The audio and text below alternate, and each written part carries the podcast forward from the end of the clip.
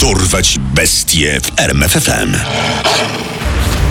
Imiona i nazwiska Kenneth Bianchi i Angelo Buono.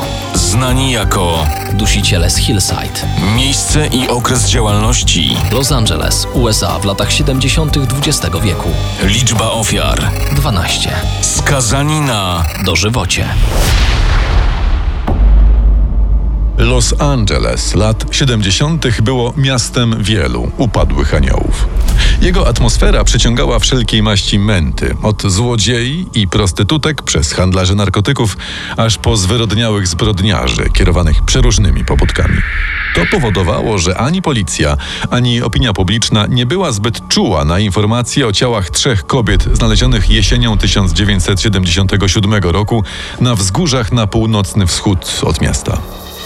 Według koronera przyczyną zgonu młodych dziewczyn było uduszenie. Prosta, niewymagająca zdobywania broni metoda pozbawiania życia, aczkolwiek brutalna i bolesna. Stosowana najczęściej spontanicznie przez osoby górujące siłą fizyczną nad swoją ofiarą oraz nieplanujące wcześniej dokonania zbrodni. Od kolejny przypadek, kiedy klienta prostytutki poniosło, bo ta pyskowała albo zażądała większej kwoty za swoje wdzięki. Nie wszyscy w policji myśleli jednak tak szablonowo. Coś mi tutaj śmierdzi. Daj spokój. To tylko trzy dziwki. Tylko i aż. W tak krótkim odstępie czasu i tak blisko siebie. Wszystkie uduszone. Ziarno niepewności, kiełkujące na wątpliwościach detektywa, szybko dało kolejne plony. Listopad okazał się być miesiącem krwawych żniw na wzgórzach okalających Los Angeles i Glendale. Rodzice dwóch małych dziewczynek nie mieli za co dziękować w tygodniu święta dziękczynienia. Ciała ich 12 i 14-letnich córek odnaleziono na odludnych wzgórzach. Oględziny wykazały, że były gwałcone i torturowane przed uduszeniem. Tego było już za wiele jak na zwykły splot przypadkowych morderstw. Tym bardziej, że dziewczynki nie były prostytutkami, lecz zwyczajnymi nastolatkami z dobrych domów. A na coś takiego i policja, i opinia publiczna reagowała zupełnie inaczej. Wątpliwości co do istnienia seryjnego mordercy rozwiały się jeszcze tego samego dnia, kiedy to partner detektywa badającego sprawę dziewczynek potwierdził znalezienie zwłok kolejnej dziewczyny po drugiej stronie tego samego wzgórza. Christina Reckler, studentka, wiek 20 lat. Przyczyna śmierci uduszenie. Na ciele ślady brutalnego gwałtu i tortur. Doniesienia o pojawieniu się seryjnego gwałciciela i dusiciela młodych kobiet lotem błyskawicy obiegły media. Panika udzieliła się dotychczas obojętnej społeczności miasta, która natychmiast zaczęła uczulać swoje córki na kontakty z nieznajomymi mężczyznami, próbującymi zwabić je do samochodu. Kolejne dni pokazały, że słusznie. Już 23 listopada kolejna młoda dziewczyna została odnaleziona martwa w okolicy autostrady. Stopień rozkładu ciała i pokrywające je robactwo wskazywały, że od jej śmierci minęło już kilka tygodni.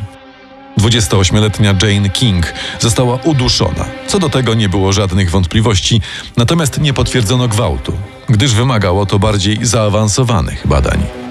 Wobec takiej liczby bestialskich mordów władze nie mogły pozostać obojętne. Powołano specjalny zespół operacyjny do rozwiązania sprawy złożony z kilkudziesięciu doświadczonych policjantów. Panowie, mamy tu bestie, prawdziwe bydle, które gwałci, torturuje i morduje nasze córki i dziewczyny.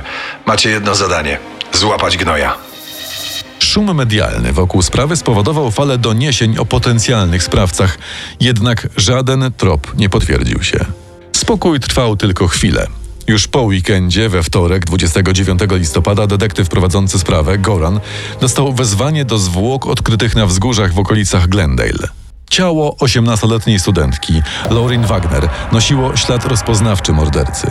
Czerwony ślad po sznurze na szyi, nie pozostawiający wątpliwości co do związku z poprzednimi zbrodniami. Związku, który uchylił furtkę do pierwszych kluczowych ustaleń w sprawie. Sąsiadka zamordowanej dziewczyny, starsza kobieta, zeznała policji, że w noc jej zaginięcia widziała, jak wysiadała ze swojego samochodu. Za nią zatrzymał się inny, w którym siedziało dwóch mężczyzn, którzy po krótkiej kłótni z młodą kobietą zaciągnęli ją do auta i odjechali. Dwóch. Wiele tłumaczy. O czym myślisz? Przy żadnych ze zwłok nie było widać śladów wleczenia ciała po ziemi.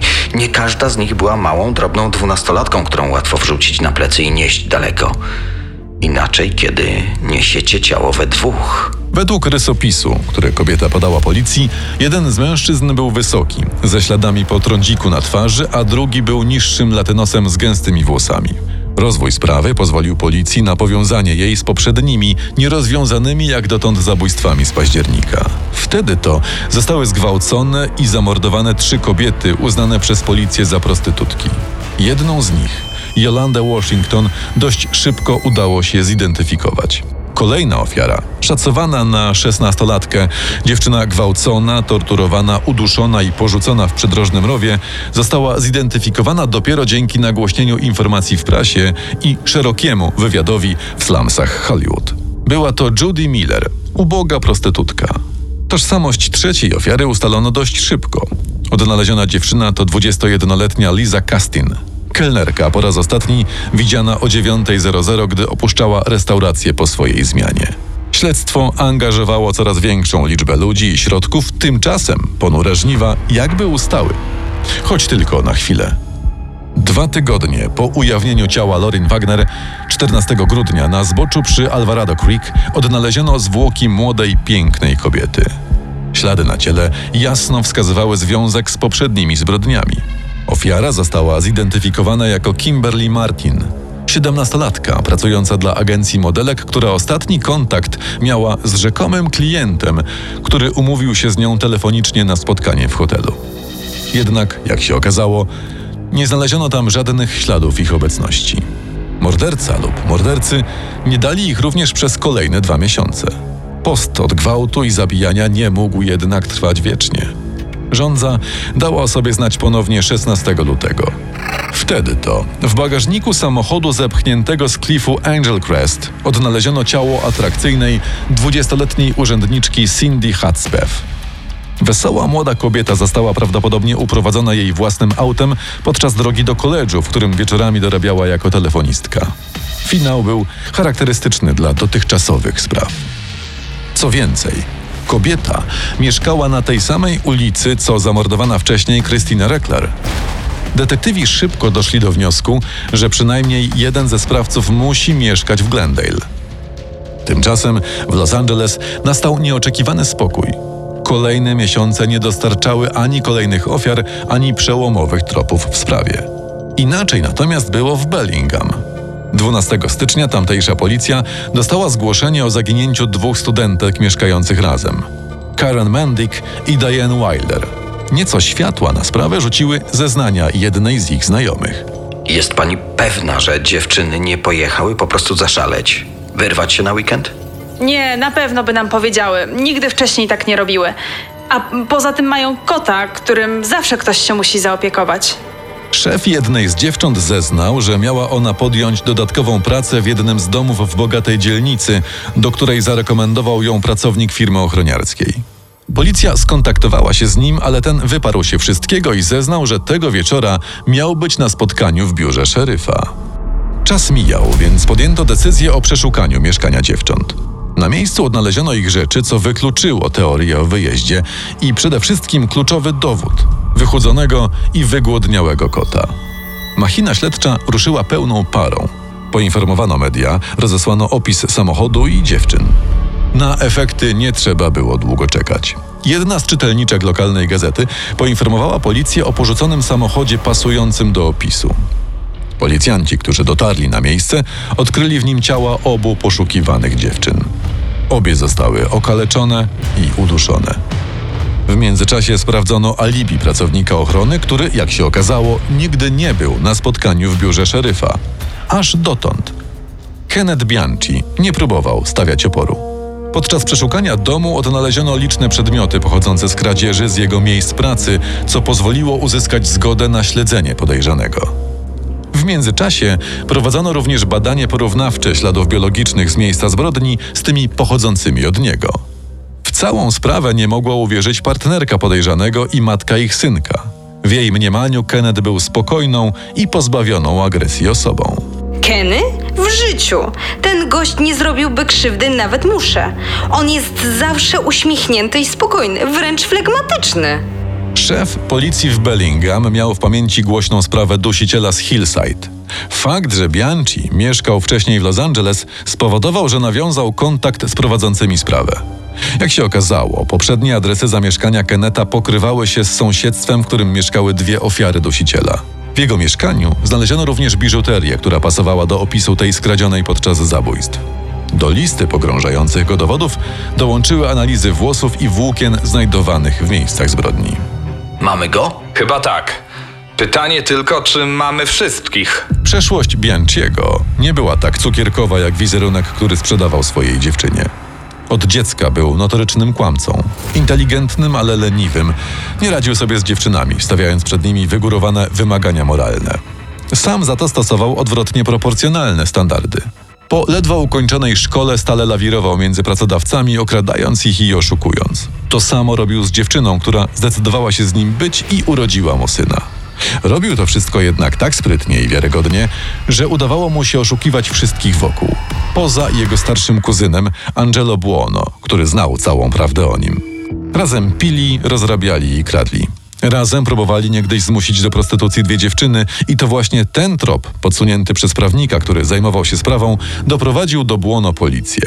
Angelo, jeśli chodzi o aparycję i charakter, był odwrotnością Keneta. Niski, krępy, zarośnięty, a także porywczy, brutalny i nieprzebierający w środkach. Jeden był typem przystojnego inteligenta, drugi agresywnym macho.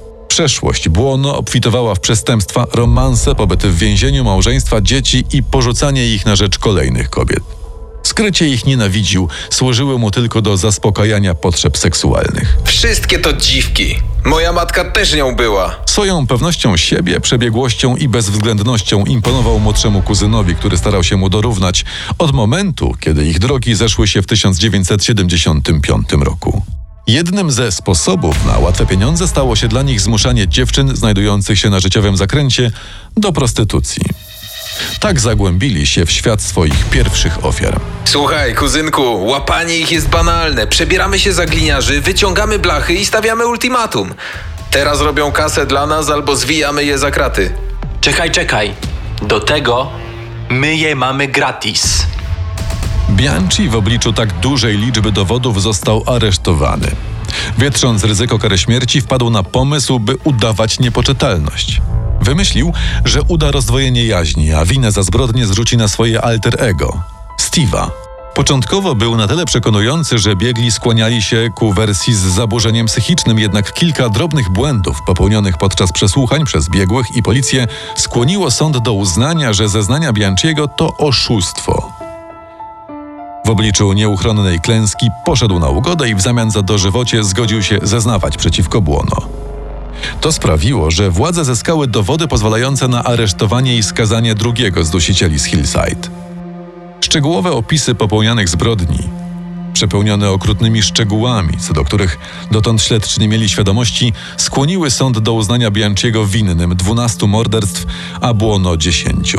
Wyrok mógł być tylko jeden. Dożywocie! Dożywocie! Dożywocie! Błono zmarł w więzieniu w 2002 roku. Bianchi do dziś odsiaduje wyrok w zakładzie karnym w stanie Washington. Poznaj sekrety największych zbrodniarzy świata. Dorwać bestie w RMFFM.